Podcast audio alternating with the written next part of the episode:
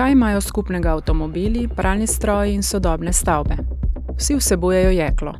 V današnjem visoko industrializiranem svetu si življenja brez tega bistvenega materijala ne moremo predstavljati. A hkrati v industriji jekla nastane velik del emisij toplogrednih plinov v Evropski uniji. Če želi uresničiti cilje Evropskega zelenega dogovora, mora Evropska unija zmanjšati svoj ekološki odtis, svoj delež pa mora prispevati tudi Evropska industrija jekla. Pa je proizvodnja zelenega jekla sploh mogoča? Poslušate program Novi izzivi, boljša zakonodaja. V današnjem prispevku bomo govorili o industriji jekla in o prizadevanjih Evropske unije, da bi ta industrija postala bolj trajnostna.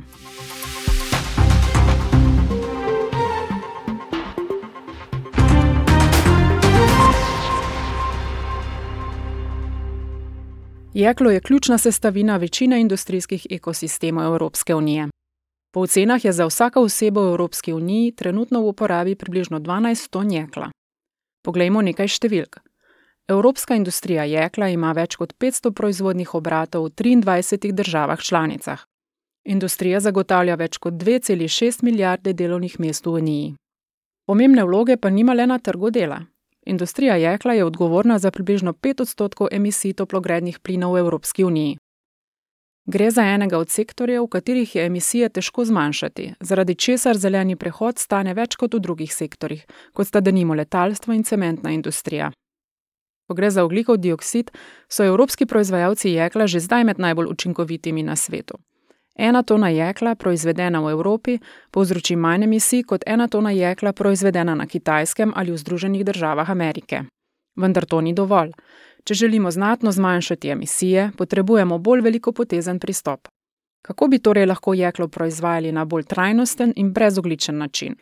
Emisije oglika je v industriji jekla mogoče zmanjšati na tri načine. Prva možnost je recikliranje. Pri tem se material za ponovno uporabo izdela iz odpadkov, ki nastanejo pri proizvodnem procesu, to je iz odpadnega jekla.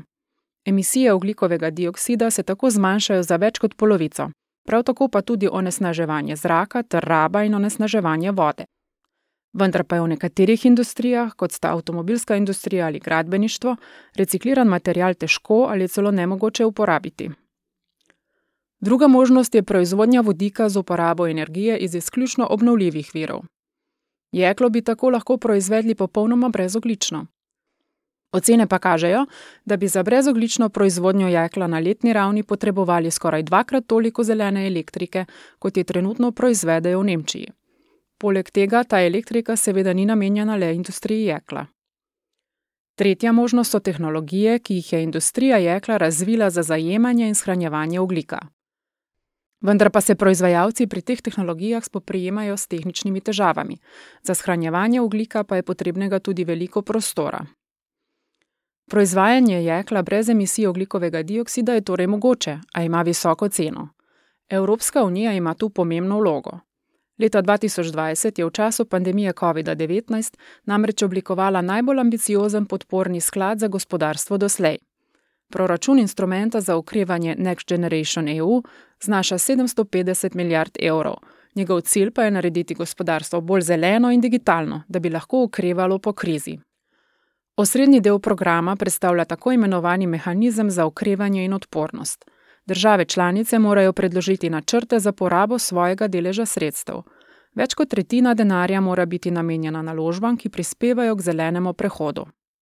Iz sklada InvestEU se financirajo številne naložbe, tudi energetsko intenzivne panoge, kot je jeklarska industrija.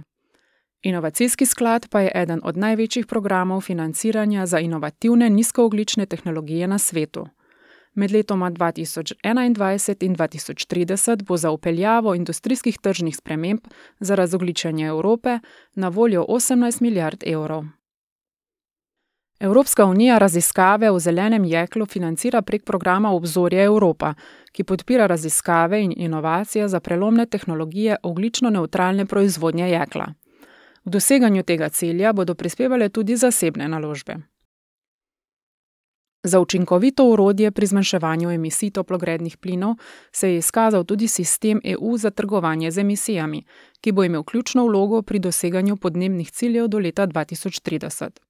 Sistem zagotavlja, da so cene energije, pri kateri nastaja veliko oglikovega dioksida, sorazmerne s posledicami, ki jih ima to za zdravje našega planeta. Preobrazbo sektorjev železa in jekla moramo seveda obravnavati v širšem kontekstu.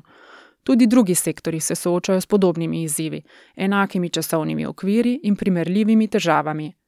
Zato potrebujemo celostni pristop k ocenjevanju potencijalnih načinov, s katerimi bi dosegli, da bi vse industrije Evropske unije postale brezoglične.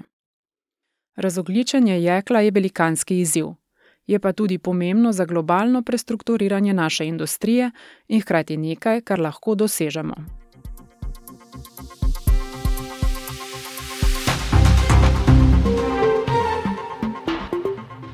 To je bil prispevek Evropskega parlamenta. Več informacij je na voljo na našem spletnem mestu Think Tank.